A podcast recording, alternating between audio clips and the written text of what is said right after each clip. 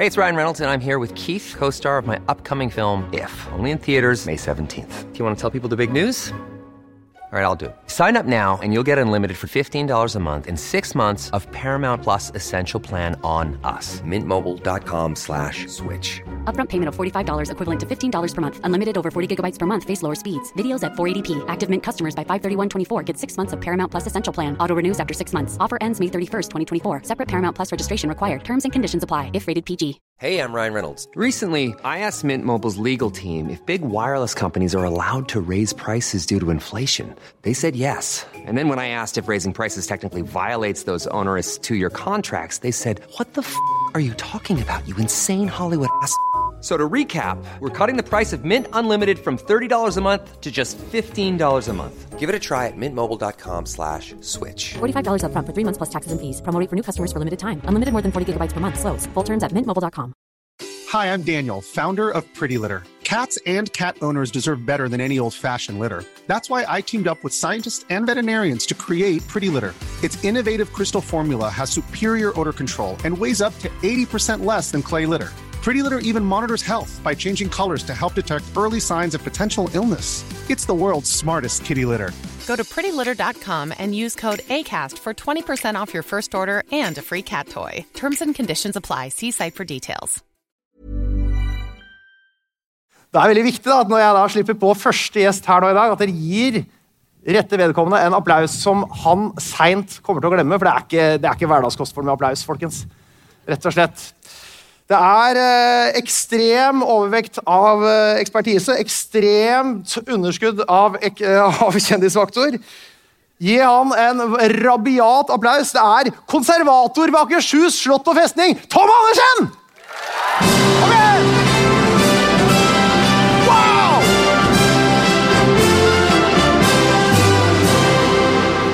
Hei, hei. Hva er det? Takk, takk.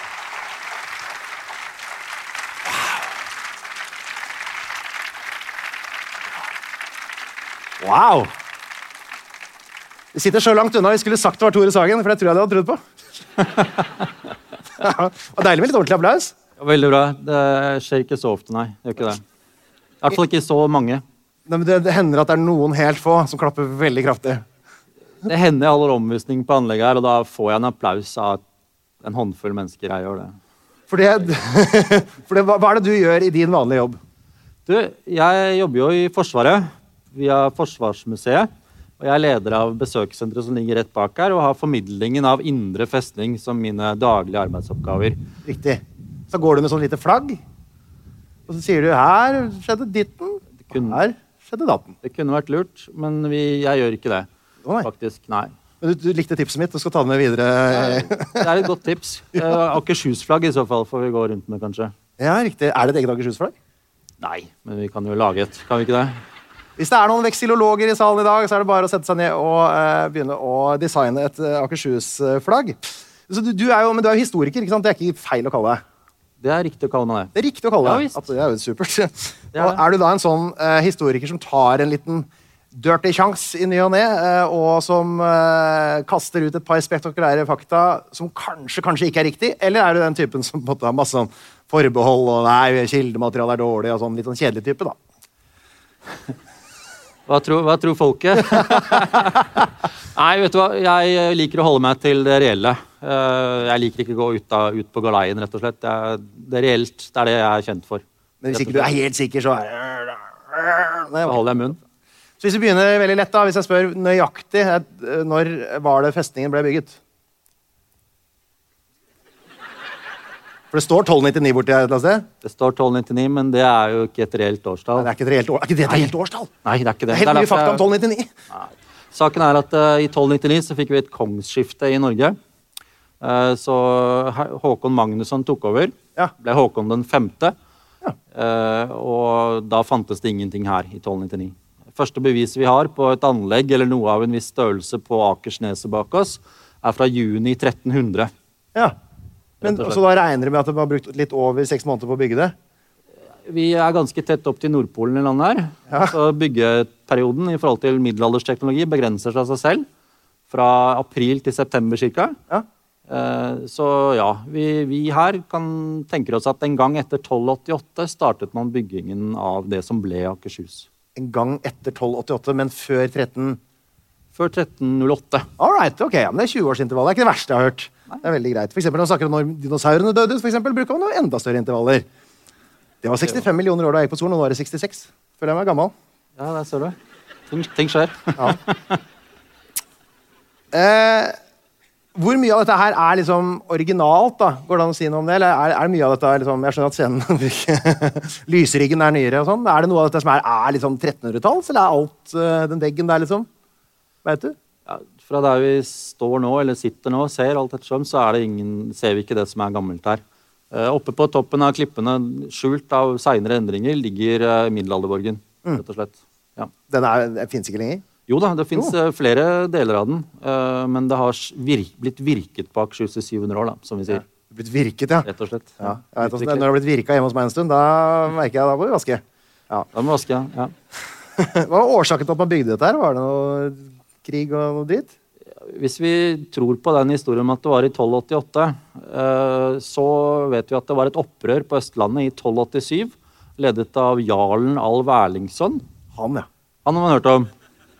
Og der hadde denne Håkon, som ble Håkon 5., makten som hertug i landet, nest etter sin bror, kongen. Og der gikk de til angrep og bortførte høvedsmannen på borgen og drepte han seinere. Ganske enkelt. Byen var ikke befestet på noe vis. Nei. Og da tenkte man sitt etterpå at her må man gjøre noe for å forsvare kongemaktens interesser på Østlandet. Derav Akershus, tenker vi. Nettopp. Og Har den, har den eh, offisiell funksjon i dag? Akershus. Eh, hvis vi tenker på Slottet, så er det regjeringens fremste representasjonslokaler.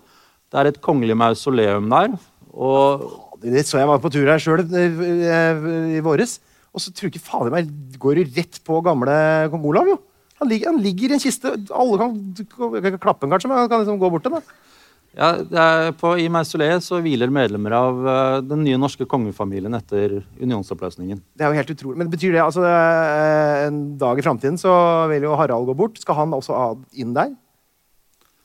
Har du ikke spurt? Har ikke spurt? Vi får Nei, nå ble det mausoleet etablert i 1948. Ja. Og det hviler da fire medlemmer der allerede, så vi får regne med at uh, Hans Majestet og, og, og dronningen vil hvile der. Sier du det? Det Det er jo ganske utrolig, da.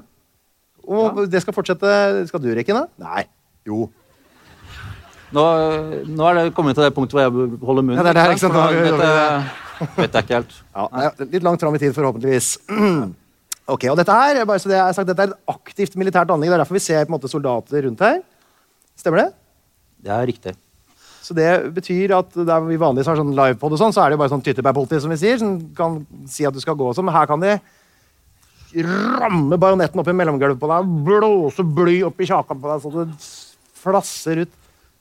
Ja, Hvis du stjeler lapskaus, da. ja, hvis du, ja, ja, hvis det går langt nok, så kan det godt hende at de kan finne på den slags. Ja, da kommer vi videre. Får masse oppmerksomhet. Det er jo stas.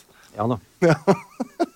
Ok, eh, da, da da har vi plassert deg. Du er eksperten på dette her. Vi ser rundt oss. Men vi skal få inn flere eh, gjester her. Vi skal snakke masse om Akershus slott og festing, eh, tro meg. Men vi skal også snakke litt om Norges historie, og vi skal snakke om eh, både litt nyere ting, men også veldig gamle ting. Og vi har eh, en gjest til som heller ikke er innmari vant med mye applaus, som dere må gi skikkelig trøkk når hun nå eh, spenner på seg jetpacken for å fly inn her. Spektakulært. Nei, det skal vi bare gå inn, regner jeg med. Det er eh, Er dere klappeklare? Har dere henda sånn? Ja, veldig bra. Her er hun! Doktor i historie med særlig interesse for viking og middelalder og ikke minst kriminalitet i eldre tider. Anne Irene Risøy!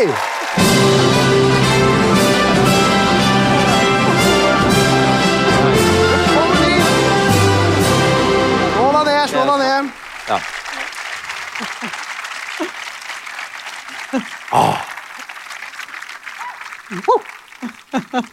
700 klapp på igjen. Det er alltid fint. Var ikke det, var ikke det, er ikke det stas med applaus? Ja, fantastisk. Du, altså, du er eh, bare for å plassere deg, du er altså professor ved Fakultet for humaniora, idretts- og utdanningsvitenskap ved Institutt for kultur, religion og samfunnsfag på Campus Drammen. Er ikke det mange ord i en arbeidstittel? Jo. Jo. Hva er det det betyr? Ja, jeg bruker å kalle det USN. US... USN. USN, ja. Ja, Universitetet i Sør-Norge. Ja. Nettopp. Det holder. Ja, og der jobber du. Ja. Ja. Hva er det du driver med der, da? Eh, jeg underviser folk som eh, skal bli lærere. Ja. Eh, ja. I de skal ut og bli lærere i samfunnsfag, og der er jo historie en ganske viktig del. Så jeg prøver jo da å pøse på mest mulig med gammel historie. Vikingtid og sånn. masse, masse gammel ja, ja, historie. masse, masse gammel historie. For du er jo uh, i hvert fall du, du og en forfatter til er som har skrevet av skoleverket, eller det er for, kanskje for uh, universitetsnivå, som heter 'Norges historie 800 til 1536'. Ja. Hvorfor har dere bare skrevet om det som skjedde på morgenen og fram til klokka seks over halv fire? På... Men uh, hvilket, hvis du skulle velge, velge deg ett år fra den perioden der som du Som er bra år, liksom, da ville du levd hvis du skulle velge ett. Ja, 820-tallet. Oh, Du går så tidlig! Ja. Jeg var sikker på at du skulle velge litt seinere. Da var det liksom litt bedre å 820? ja, eller rundt der omkring. Det er før Harald Hårfagre, det. takk. Takk, takk. Hvorfor det? Ja, Det har litt med Oseberg-gravlegginga å gjøre. For der var det funnet to mektige kvinner som var gravlagt. Ja. Eh, Og det er jo den best bevarte vikinggrava som vi har. Så jeg tenker at hvis jeg var en av de to damene der, Ja. eh, så kunne jeg godt tenke meg å leve. Men eh, ikke som trell, f.eks. Ikke som trell, for det var en trell oppi den grava òg. Jeg veit det, jeg er fra Tønsberg. jeg skjønner du. Nei, de har funnet ut at begge de to damene ser ut til å ha hatt det ganske greit når de levde. At det, man vet egentlig veldig lite om dem, bortsett fra at de ser ut til å ha vært veldig høyt oppe på. Men det, det er ikke trell, den derre lille den high end trell i så fall. Premium-trell. Nei. ok. Ja, greit. Eh, veldig bra. Eh, vi skal også ha inn en tredje gjest. eh, som skal sitte her eh, sammen med oss i dag, så vi får fullt kompani. Han, eh, det er kjendisgjesten, da, som kommer nå. Han er, eh, får stort sett gå i fred sånn til det, det daglige, han òg. Men det er mest fordi han er stort sett i skauen, veldig lite ute og går i gater. Han er folkeminnegransker. Han er Norges fremste ekspert på utedasser, loffere, hoppbakker, tømmerkoier, femmila. Alt som du aldri får opp på TikTok. Han skriver fem bøker i året. Han valser sin egen havregryn hver morgen for en gammel østtysk valse. det er sant. Han er den eneste jeg veit om som ikke har mobiltelefon. Her er Tor Gottaas!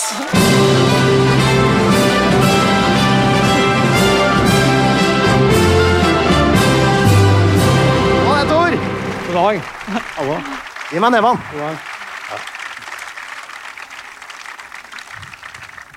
Du er jo et kjent stemme for mange som hører podkast, men det er ikke alle som veit at du går i shorts hele året.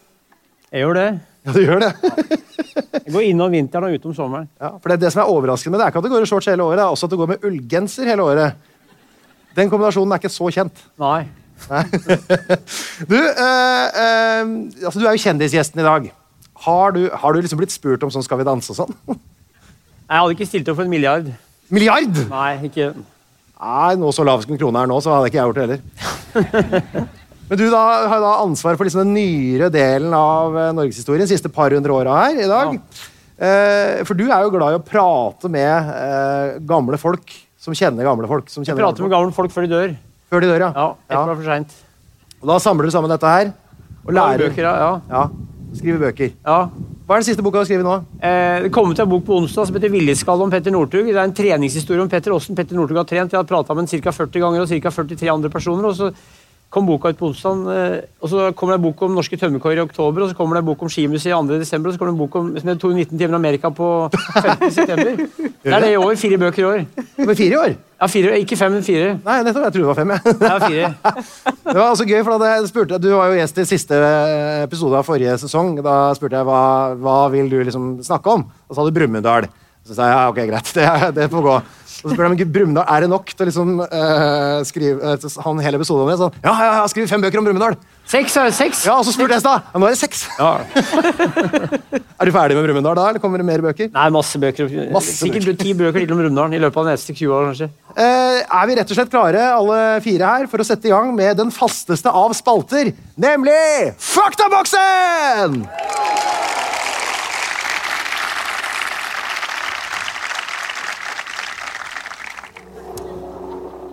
Kommer og for å hente deg, Tor. Det er bra. Det der, da. Dæven. Ok. I podkasten 198 land så har jeg altså en fast spalte som eh, sparker i gang alle episodene, som heter Faktaboksen. Der eh, går vi da gjennom grunnleggende fakta om alle land, hovedstad, innbyggertall, alle de tinga der som er eh, i en faktaboks. Men fordi vi da snakker om gamle dager i dag, så skal vi snakke om på en måte, ja, en historisk vri på akkurat det. Så hvis jeg da begynner med deg, Tom så skal jeg spørre hva som er hovedstaden i Norge. Jeg vil spørre, hva, er, hva var den forrige hovedstaden i Norge? Den forrige. Forrige hovedstaden i Norge. Bergen uh, var jo hovedstad uh, lenge her i landet. 1270-1314. For eksempel. Ja, den, uh, den gjelder. Mener, mener vi at det er den? Vi kan si London.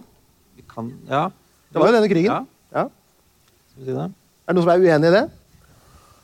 Da stemmer vi altså for, vi stemmer for Bergen. Stemmer for Bergen. Må ikke si til de der borte de blir helt håpløst høye på pæra. Davy Vatne og Herman Friland gjengen der, de blir helt, Hvis du sier at de har hatt hovedstaden Å, fytti rakkeren. Ok, Tor. Ja. Innbyggertallet i Norge i dag er jo 5,5 million. ja. Hvor mye var det for 200 år siden? En million. Det er, ja, det er helt riktig. Det er på, nesten på dagen. Altså, 1822 bikka vi 1 million innbyggere. Bra. Pent.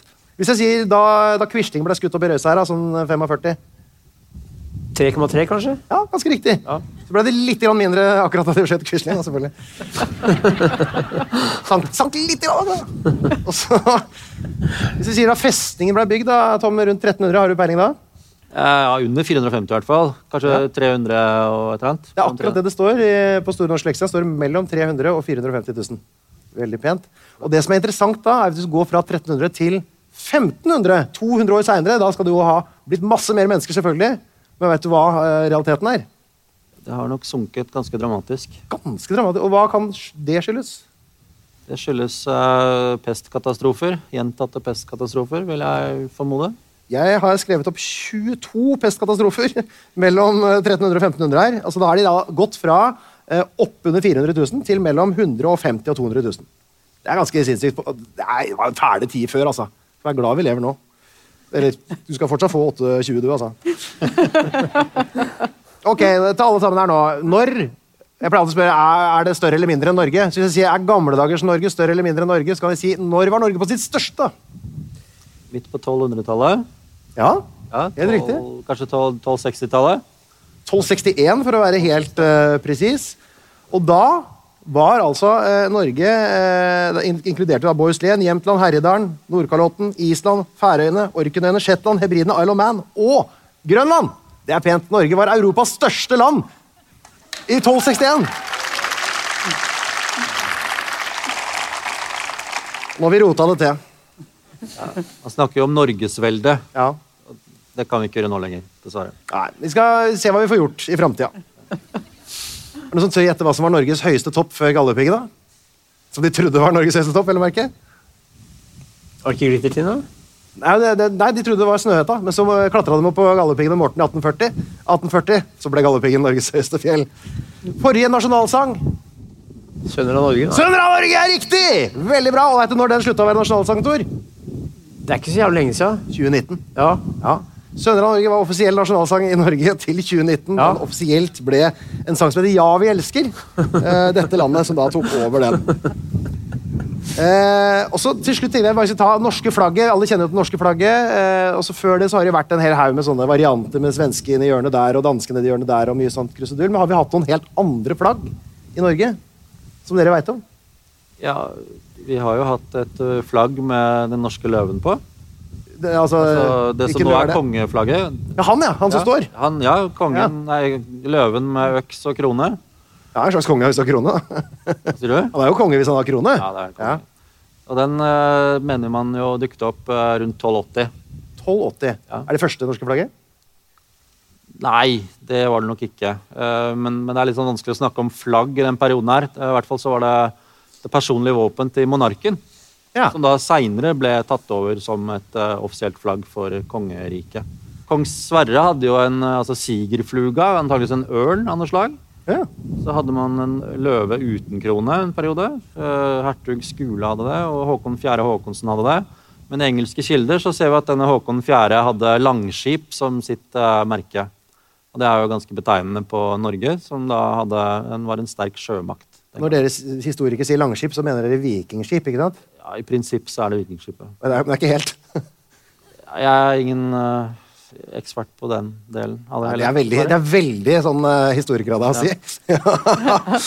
ok, men da rett og slett lokker vi faktaboksen for denne gang, og så går vi til åssen var det der, da?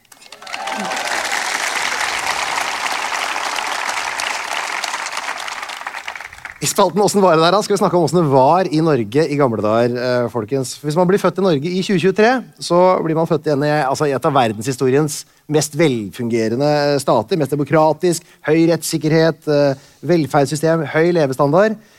Men de tinga som de da eh, har krav på i dag, mener vi, de var jo, kan folk bare drømme om eh, når vi går tilbake i tid. Og Anne Irene, du har jo peiling på den gamle, gamle, gamle historien her. Og Åssen var livet til folk i Norge liksom, på vikingtida? Åssen bodde folk?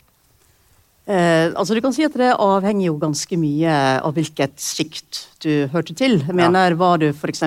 født inn i en familie med jarler, konger, dronninger, høvdinger, altså det sjiktet der, så hadde du det jo mye bedre enn du f.eks. var samfunnets bunnsjikt, som da var treller. Og det var, jo, altså det var jo slaver. Det var jo folk som var gjenstand for eh, kjøp og salg.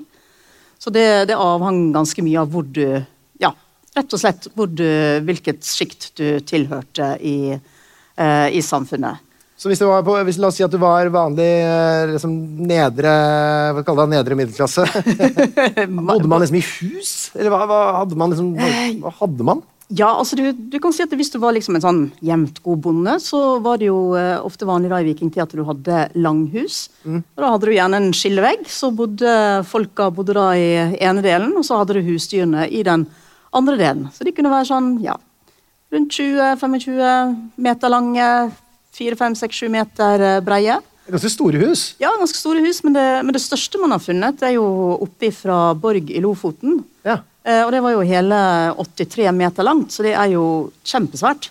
Det er jo Det er jo svært, da. Ja, altså du løper 60-meteren og så litt til, liksom. Ja, ja. 83 meter, Det- ja, presis. Eh, Så det, ja, det er jo gigantisk. Så det var sånn 700 kvadratmeter eller noe i den stilige grunnflate. Men da det bodde ikke én familie med to unger og Nei, neppe. Det var nok ikke helt der. Nei, altså du kan si det, det har nok vært en høvding som da har bodd der. Og du kan si hvis du da tilhørte høvdingsjiktet, så, eh, så hadde du jo selvfølgelig Du hadde trolig dine egne krigere. Du hadde eh, altså du hadde slavere, slaver som, eh, som jobba for deg. Så det sånt hus som det der så kanskje kunne vært en 100 stykk som bodde der. 100 stykk, ja.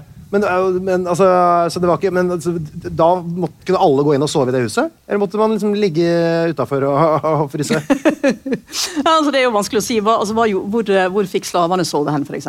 Ja, det veit ikke jeg. nei, det, det vet ikke jeg heller. Skulle gjerne visst det, men Men veit du hva de, eh, hva de åt og, og sånne ting? da?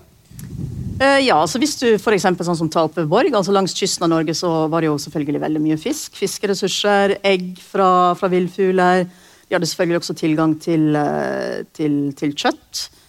Uh, ja, Ellers så vet man jo at eh, korn var jo veldig viktig. Det var ikke bare viktig for, altså, på grunn av altså, mat, uh, men uh, også fordi man brygga øl.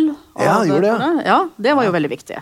Det, ja, for det var, hadde det liksom en vik, vel så viktig posisjon før som det har nå, mener jeg har inntrykk av. Trolig en mye viktigere posisjon, faktisk. for- Viktigere enn nå? Ja, viktigere enn nå. Viktig nå, altså.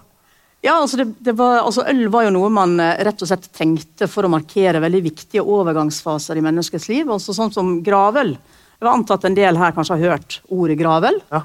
Eh, For det var jo i bruk i veldig mange norske bygdesamfunn, nesten helt opp til sånn, andre verdenskrig. Eh, og det var jo altså rett og slett, altså Det markerte da at da hadde mennesket forlatt denne verden, over i neste verden. Arvingen tok over, og man altså man markerte liksom da hele den nakten der da med øl. og det var liksom mer positiv stemning da, kanskje rundt en sånn Ja, en del av de skildringene man har fra graver, viser en veldig positiv stemning, ja. Hendte det på en måte at det, eh, et gravøl utarta i den grad at det førte med seg flere gravøl? hvis du skjønner? Uh, ja, det, det, det, kunne, det kunne skje. For det er klart på sånn positiv stemning med, med masse altså, drikking, det kunne jo oppstå slåsskamper. eh, ja, med kanskje litt, både litt øl innabords og kniv i slira osv. Så. Eh, så så det kunne, kunne jo absolutt skje. Men, eh, men altså, du kan si øl Ja, altså barseløl, gravøl Barseløl! Ja, når du, ja, Ja, sier det? drikke, drikkebryllup, for eksempel. Drikkebryllup, ja, det liker Jul. jeg. Drikkejul. Ja. ja, takk. Det var veldig viktig. Drikkejul. Ja. Det er ikke så populært nå lenger. Jeg har sett en del kampanjer for det på, på TV når det er sånn helligdager og sånn. Nei, men eh, det, det var veldig viktig den gangen. For du, du ble jo faktisk bøtelagt hvis du ikke brygga øl til jul. Ja, du, Du ble eh, for det. Du fikk bøter for det Ja. hvis du ikke brukte øl til jul. for da kom, da kom politiet og banka på døra, og så sa de unnskyld, har dere eh, øl til jul? Og hvis det var nei, så fikk du bot. Det, det kunne du risikere da, ja. Ja. Ja. Det, var, det var en fin uh, variant. Og det, når, det var vikingtida og middelalderen. Ja, altså Det har man da i den eh, eldre Gulatingslova, uh, og den gjaldt jo da for, uh, altså for Vestlandet. Og der har du da en paragraf som sier at, eh, eh, at liksom bønder de skal brygge øl til jul.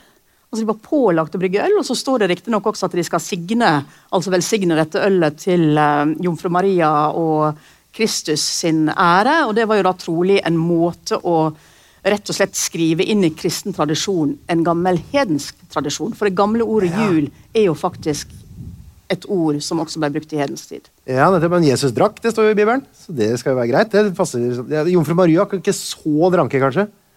Nei, men det var jo vin. Det var vin, ja. Ja, vi, vin til, nei, vann til vin, men her, her går jeg ikke. Ja, det er akkurat det. Øl, ja. Den er det mange som har brukt mot kristendommen. eh. Eh, Men stemmer det? Altså, jeg tenker på eh, Det må jo ha vært altså, Lyskildene i, i gamle dager må ha vært utrolig få. Det må ha vært dritmørkt overalt hele tida. Mørkt inne. mørkt Når det er kvelden, så er det dønn mørkt.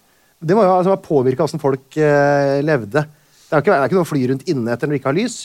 Nei, altså De hadde trolig mye bedre soverutiner enn det vi har i dag. Ja. Mindre problemer med søvn. Eh, altså Var det mørkt, så var det jo mørkt. Ja. Så må du gjøre noe med møblementet òg. Jeg kan ikke ha masse møbler midt på gulvet hvis det er mørkt. Nei. Men de hadde jo veldig lite møbler også. De hadde lite møbler før. Ja, ja, ja, veldig lite møbler. Her kommer det, det renner inn med fakta. Ja. Stoler, for eksempel, det ser ut til å først ha begynt å komme litt i vanlig bruk sånn ut på 1500-1600-tallet. Sier du det? Ja, så De hadde benker og de hadde bord, men ofte så, så kan det jo være at de bordene rett og slett bare ble klappa sammen. Eh, De sov gjerne på benkene som de satt og spiste på. Eh, Så, så, mø så liksom dette med å snuble i møbler, overmøblerte rom, var kanskje ikke den helt store, Nei, helt store greia. Så du man kan definere deg som en person som er opptatt i, av historie fram til stolen ble oppfunnet, omtrent? da? Ja, noe sånt. Ja. Ja, ok. Um, jeg mener også hørt, uh, før vi slipper det, at vikingene at de var så små. At de var så knøtta, knøtta små hobbiter, alle sammen. Eh, Stemmer det? Nei, ikke så veldig mye knyttesmå. små. jeg tok, eh, altså Siste gangen jeg titta på det der, så, så fant jeg en studie som var gjort av en del forskere som har sett på altså de har sett på skjeletter fra flere kirkegårder her i, eh, her i Norge. Det var jo riktignok fra ca. 1000-tallet til 1500-tallet. da, så var jo Nyere tid. ja, men, ja, litt nyere tid, men, men du kan si at levemåten var jo stort sett den samme. Men da var vel gjennomsnittet for menn var på rundt 175 cm.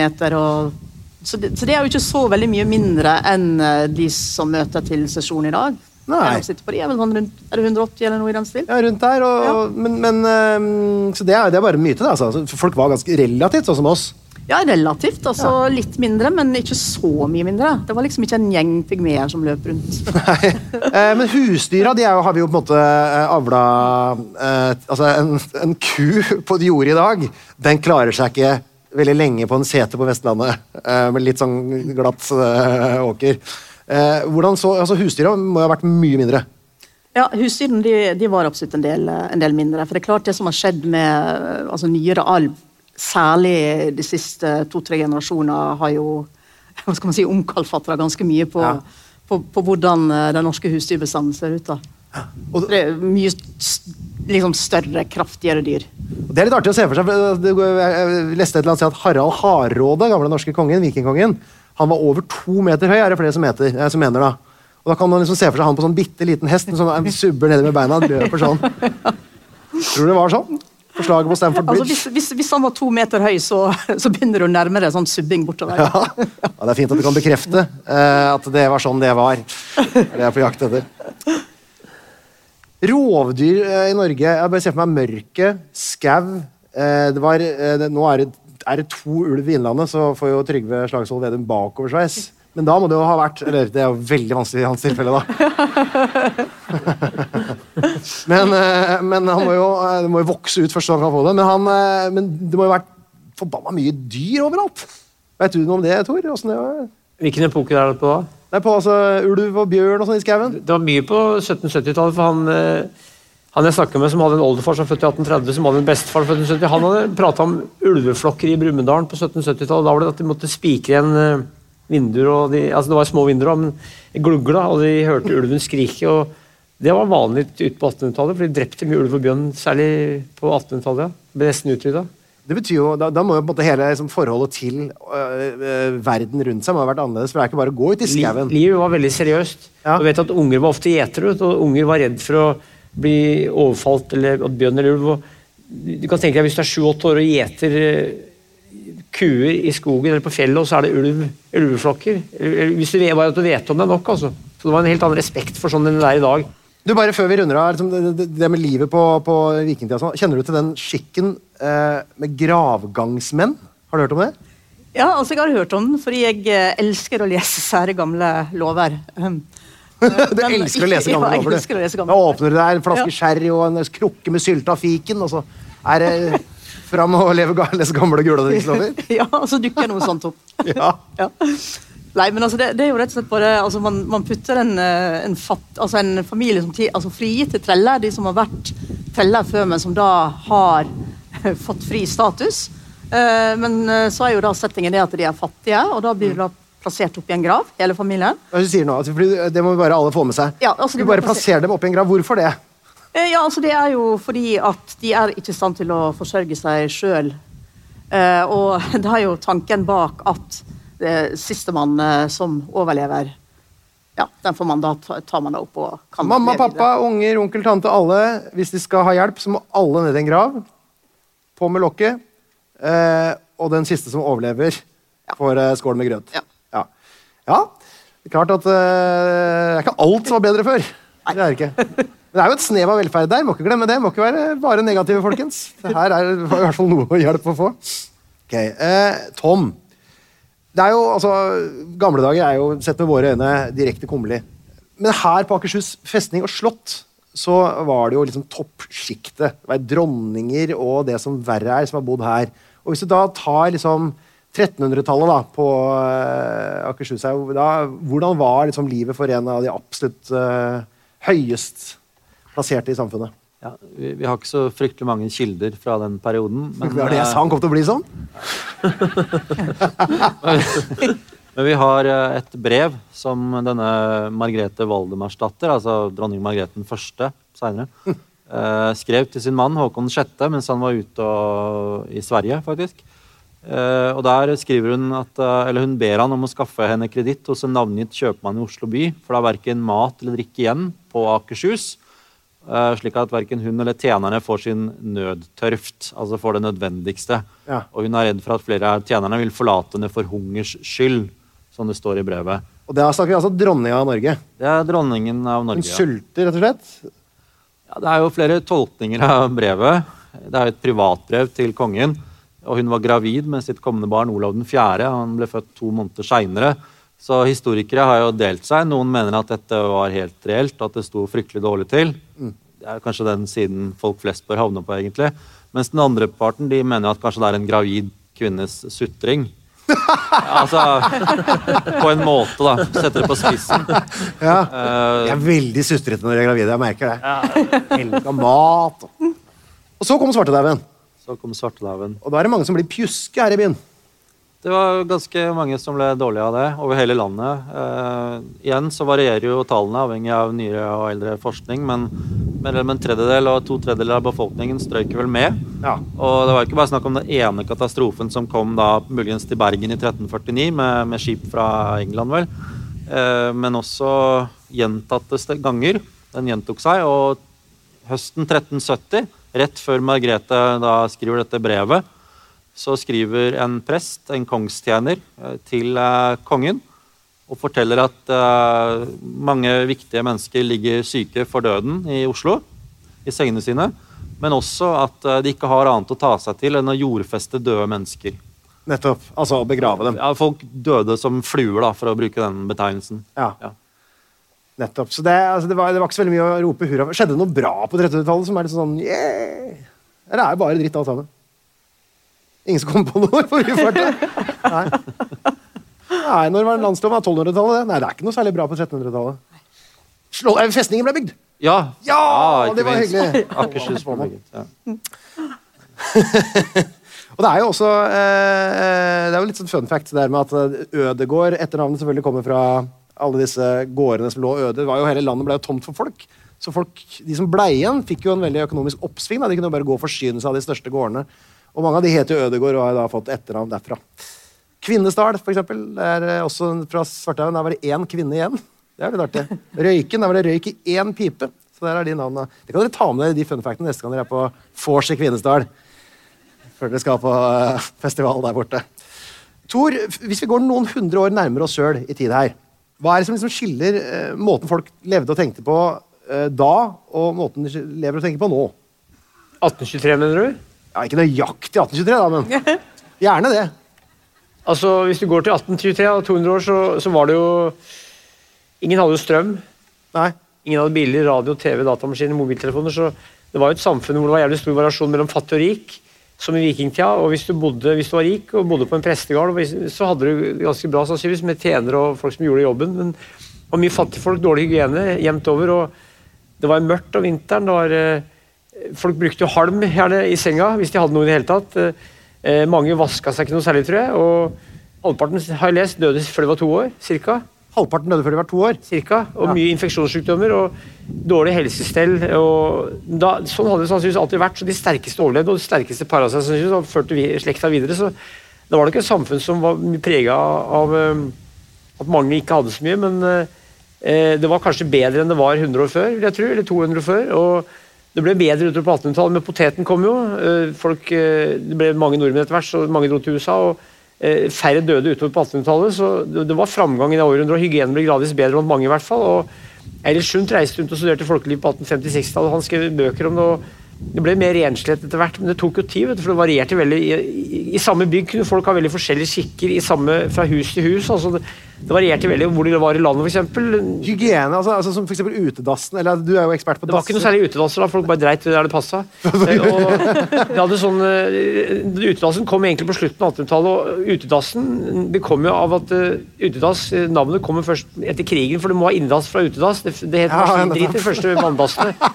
Så, så, så, så det var ikke noe særlig utedass i 1823. Det var, det var stort sett at de brukte bingen, eh, møkkjelleren eller bak låven, og de brukte gjerne det som en del av gjødselen. Så det var en, Eilertsundt var i Lom på 1850-tallet, da ble det 5000 innbyggere og ti dasser. Eh, altså, tok Sånn, ti eh, garder, da. Ti garder, så, så det var ikke vanlig at de hadde dasser da så tidlig. og det kom egentlig litt senere, oftest etter, eh, kanskje på slutten av 1800-tallet og etter hvert. Noen hadde det allerede før 1800, men det var ikke så vanlig med dasser eller utedasser. Nettopp. Det heter jo da dass eller lokum eller do eller driteren eller donas. Så det, navnet dass er da et tysk Dasshausen hus. Ja. Er det? Utenlandsk rot, det navnet. ja. Så, hva, når, eller, hva var det de tørka seg med? Si? De brukte, brukte mye mose, kongler tagga imot, steiner. Så hadde kongle? Eh, noen hadde sånn så hadde kongle tagga imot? Kongler tagga, tagga imot, ja. Eh, også noen hadde sånn spisepinner. Noen hadde spisepinner som de putta i veggen og brukte den til å tørke seg med Og Slikka den etterpå.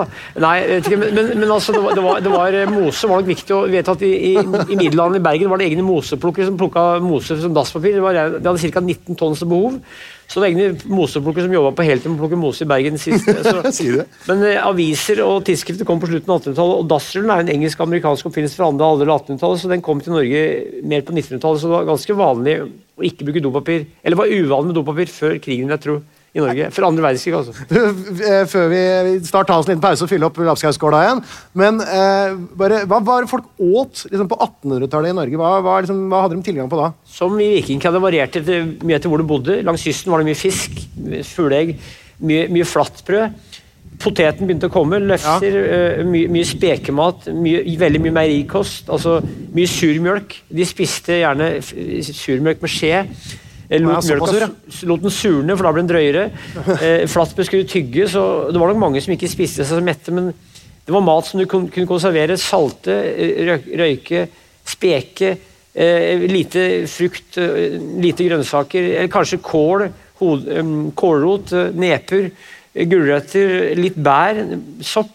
Mye urter, faktisk. Urter. Drakk blod. Eh, Fanga sel, hval. Altså, de, de, var, det var noe de brukte det de, de hadde og fant, fant. Og jeg vil tro at de spiste mye som, eh, mye som veldig variert i løpet av året. og om sommeren så hadde de ikke tid til å lage mat, for jeg jobba så mye ofte. At de hadde mye eh, flatbrød, mye meieriprodukter og smør og ost. Enkelkost, altså. Ja. Men det varierte etter hvor du bodde, hvor, hvilken sosial stand du tilhørte, og hvor mye penger, eller hvor god råd du hadde. Det var ikke sett lett å kjøpe mat, for at det var jo markeder. Landhandelen kom litt senere på 1800-tallet. og hvis det er 1823, da, så var det markeder, og korn var jo viktig for øl. Og, men det var nok mange som, eh, selv om de overlevde, hadde lite mat og ensidig kost i perioder. Dagen. Mye dårlig Dårlig mat, da. Men mye feit mat. De Ja. spiste jo for å få mest mulig kalorier i seg. Ja, for da var målet å få flest mulig Ja, kalorier. og, og, og gjerne mange måltider. Kaffen var ikke begynt å bli folkedrikk enda, den kom litt senere på 1800-tallet. Men øl var vanlig å drikke, så det var mange som drakk mye både brennevin og øl. Så det var nok vanlig å drikke brennevin og øl oftere enn vi gjør i dag, faktisk. Da, vil jeg tro. Ok, eh, Vi tar en liten pause, eh, fyller opp glasset og sånn, og så ses vi om eh, 26 minutter.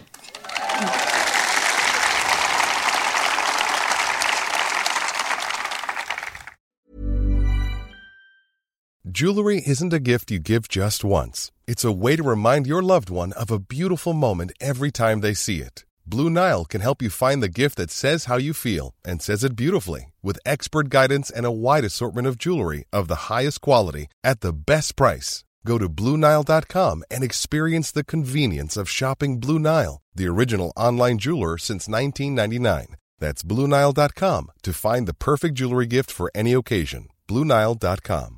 I'm Sandra, and I'm just the professional your small business was looking for. But you didn't hire me because you didn't use LinkedIn jobs. LinkedIn has professionals you can't find anywhere else, including those who aren't actively looking for a new job but might be open to the perfect role, like me.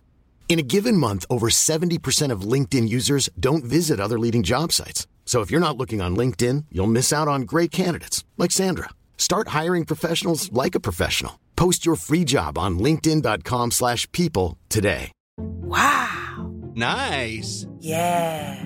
What you're hearing are the sounds of people everywhere putting on Bombas socks, underwear, and t-shirts made from absurdly soft materials that feel like plush clouds.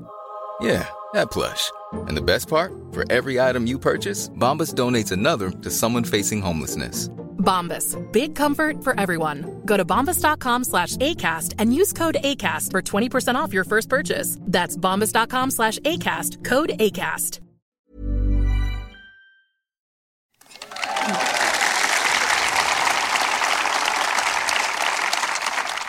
Vi sitter jo her på Akershus. eh, og det har jo skjedd en del ting her som er av interesse. Vi har snakket om fæle ting, men vi har snakket om liksom fine eller gøyale ting også. For vi hadde en telefonsamtale i forkant. Det går ikke an å ha med deg, Tor, for du har ikke telefon. Jeg Har fasttelefon? Ja, du har fasttelefon, ja. Og Anne Irene har iPhone 4, så her er det litt av en gjeng. Eh, den er på museum nå, visstnok. Nasjonalmuseet. Prata vi, Einar? Vi prata Ja. vi på telefon? Ja, vi prata i telefonen fast med den doroen din. Den Time, ikke? rører- Time? Sveiv på siden. Og vi prata på mobil. Ja, ja, ja, ja, ja, jeg sier ikke at det ikke går an! Jeg har mobil. Ja, det var veldig mye bedre lyd på Tom sin. Det var sånn moderne. og eh, da, da kom vi inn på det med kongehyllinger som har foregått her, og det syns jeg var litt artig. Eh, kan ikke du fortelle litt om hva det var for noe? Ja, det er jo en, en sak vi fikk etter at vi havnet godt under Danmark. Den første kongehyllingen fant sted i 1548, og den skulle egentlig foregå i Oslo, men pga. nok en gjenoppblussing av pesten, Ja, det der greiene der, ja. ja, så ble den flyttet til, eh, til Akershus. ja. Eh, og så ble det da en tradisjon for det, og det var flere av dem. Det var i 1591 også, i 1610. Og dette er altså når det skal settes inn en ny konge, så skal han hylles. Ja, Det var jo egentlig en, en, en, eh, en naturlig følge. Vi var jo under Danmark, så kongen ble jo hyllet i Danmark. Mm. Og så reiste han til Norge for at stendene skulle sverge troskap til denne kongen, nye Altså kongen. representanter fra de forskjellige samfunnslagene. Helt riktig. Fra Ja. hele landet. Ja, og det altså, de kommer reisende til fra lang Ja, Utvalgte folk kom fra hele, fra hele landet for Ja. å sverge troskap. Og den vi har mest kjennskap til, den fant sted i 1648. Ja. Eh, og selve åstedet for hyllingen var da festningsplassen på ytre festning her, over broa, ikke sant? Hvis Ja. du kjenner til den. Ja, det er, ja, ja, nettopp, ja. Mhm. Der står Nasjonalmonumentet i dag på den grusplassen. Der er det fortsatt militære parader. Men der satte man opp et eh, nydelig skjønt palats. eh, altså en tribune, ja, av denne typen her. Og så var det selvfølgelig vaktposter overalt. Og dette var også samme år som Kristian 4., den tidligere monarken, var død. Så det var et sørgeår. All dekoren var holdt i sort, sorgens farge. Ja, det var trist, men de fant, sted, fant en lyst til å feire for det. Ok. Eh, Så 734 utvalgte fra stendene måtte komme og sverge troskap til kongen på dertil egnede skamler med sort trekk på, står det. Faktisk, For vi har regnskapene bevart. Det er 50 sider og 120 vedlegg, tror jeg. Okay. Ganske spennende. Eh, avhengig av hvem du spør, og hva du er er interessert i. selvfølgelig. For å understreke det. Der står liksom kong eh, Leopold den 35. Kong Fredrik 3. Han sitter Fredrik på, sitter på tronen sin under en tronhimmel holdt av rikets fremste adelsmenn. Og så står det ganske tydelig i beretninger fra Hyllingen at eh, kongen håndhilste uh, blidligen og nådelig på alle ned til borgerstanden. Det var det jeg gjorde i stad. Første ikke der i stad. For til borgerstanden, ikke med Ja, hvem er det som mangler da? Bøndene, da. Bøndene, ja. Så de skitne bøndene vil ikke kongen håndhilse på, Ah. rett og slett. Er de der borte som jeg ikke rakk i Ja, det sånn var det. Og så var det, da, var det slik at når eh, kongen eh, spaserte da vekk derfra, da fyrte man av 800 kanonskudd på festningen. 800 mens han kanonskudd? gikk. Og det var skarpe skudd den gangen, det var ikke noe løskrutt. Og så spaserte kongen på sort klede opp til Akershus slott, og i mellomtiden så ga man denne tribunen og alt pyntet rundt der til eh, folket, til pris for folket, slik at de kunne ta med seg suvenirer. Hva betyr det i praksis? Det betyr at eh, de reiv den tribunen i fillebiter. Og eh, alle slåss om de beste delene av dette. Men er det bare plank og drit, da? Ja, Plank, utskårne elementer, det var silkestandarder. Veldig flott klede. ikke sant? Dyrt. Eh, Det var fløyel og tilsvarende. Og det står jo i en tidligere beskrivelse av dette her at folk sloss. De trakk kniver og stakk hverandre med dem. De beit hverandre, og de, slå, de, de fektet med krumme negler, rett og slett. Alt for å, ja, ja, ja, alt for å få et, et attråverdig del av denne tribunen. da. Må du ikke oppildne gjengen her, da? Jeg vet åssen de Nei, nei, det- blir inspirert av disse tinga her. Det er riktig.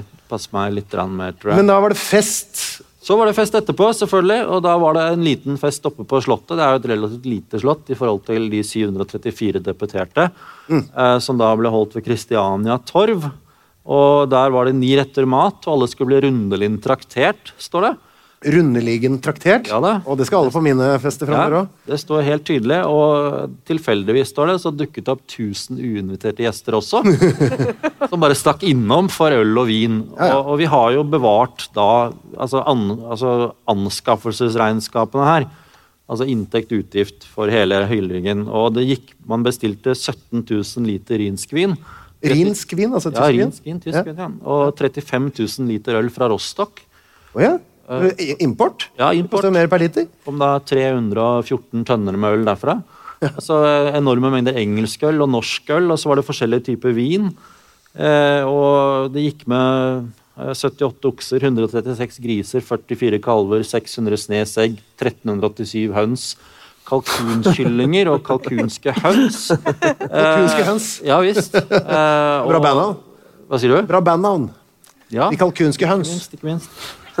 eh, og bare rundt marsipanen på hovedbordet så var det åtte meter med forgylt eh, silketaft. Åtte meter rundt kaka? Ja, så det var rundt marsipanen, ja. Oi, shit. Og det er snakk om eh, tørr og våt konfekt, innsyltede lemoner Sa du? Tørr og våt konfekt? Ja, eh, Hva betyr det? det må jo bety innbakt og eh, Ja. altså Våt konfekt, takk. Ja. Og så sa du et eller annet Sylta le- eh, Sylta sitroner, sannsynligvis. Ja, hollandske pepperkaker. Parmesanost var det der. Parmesan, Jøss, så flott, da! Ja, ja, ja. Og det var to franske kokker i sving under denne mesterkokken som het Bent, så han var sannsynligvis norsk eller Ja. Ja, Bent Stiansen. Ja, ja, ikke sant? Ja, er på Statoilgården rett her nede. Ja, ja, ja. Jøss, ja, han er jo kjent. Og, det gikk hardt for seg. Til sammen så fyrte man av over 3000 skudd med festningens kanoner. Og det står ganske øh, i positive vendinger at ingen av artilleriets tjenere fikk en fingersår eller skade. Så ingen ble skadet under kammersprengninger, fordi kanonene føyk i luften ofte den gangen. Eh, og dette tok man som et besynderlig Fredrikstegn, eller fredstegn i samtiden. Man var ekstremt overtroiske. Hvor landa de kulene? Uh, litt rundt omkring, uh, rett og slett. I 1601 så var hans far Kristian 4. på besøk i Akershus, og han ville teste festningens fortreffelighet. Uh, og da fyrte man bl.a. kanoner over mot Oslo. Da lå jo Oslo under, Bjør, altså under Ekebergåsen.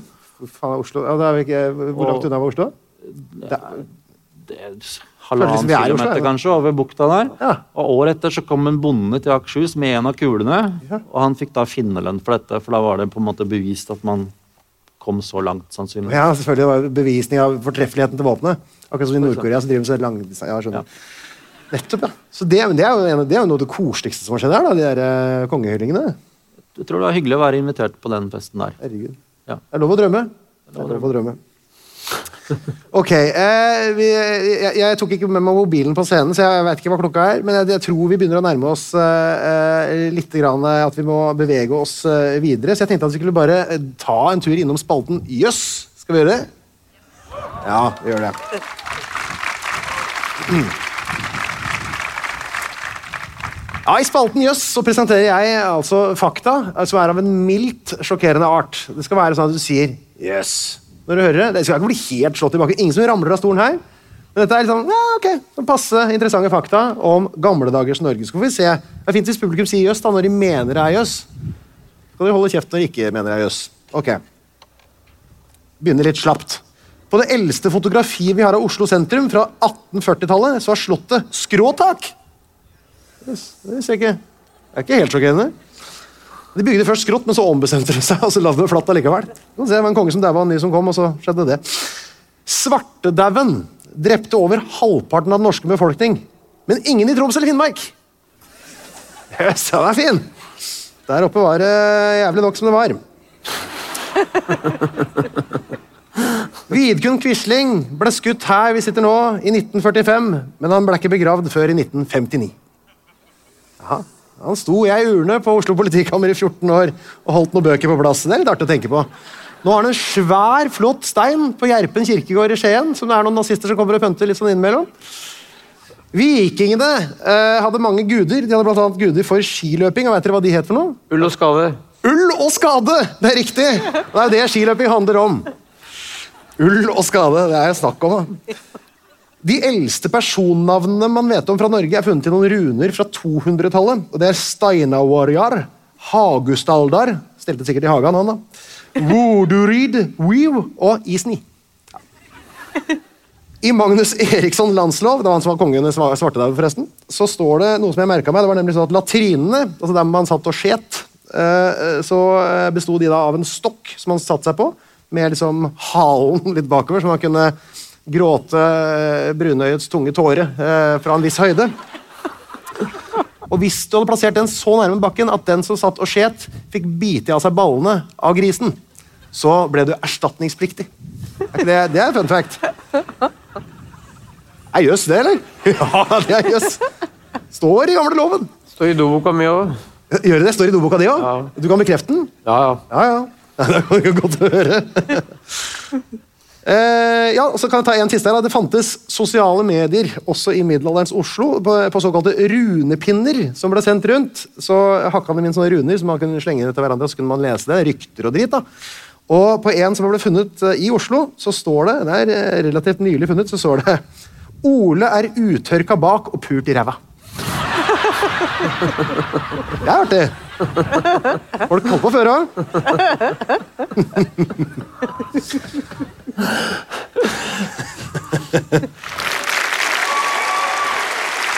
Da runder vi av. Tusen takk alle sammen for at dere kom. Ha en fantastisk kveld. Kos dere med det som er igjen av lapskaus og drikkevarer. Takk for meg.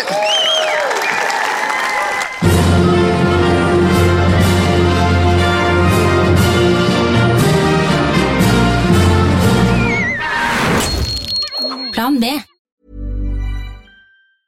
Planning for your next trip?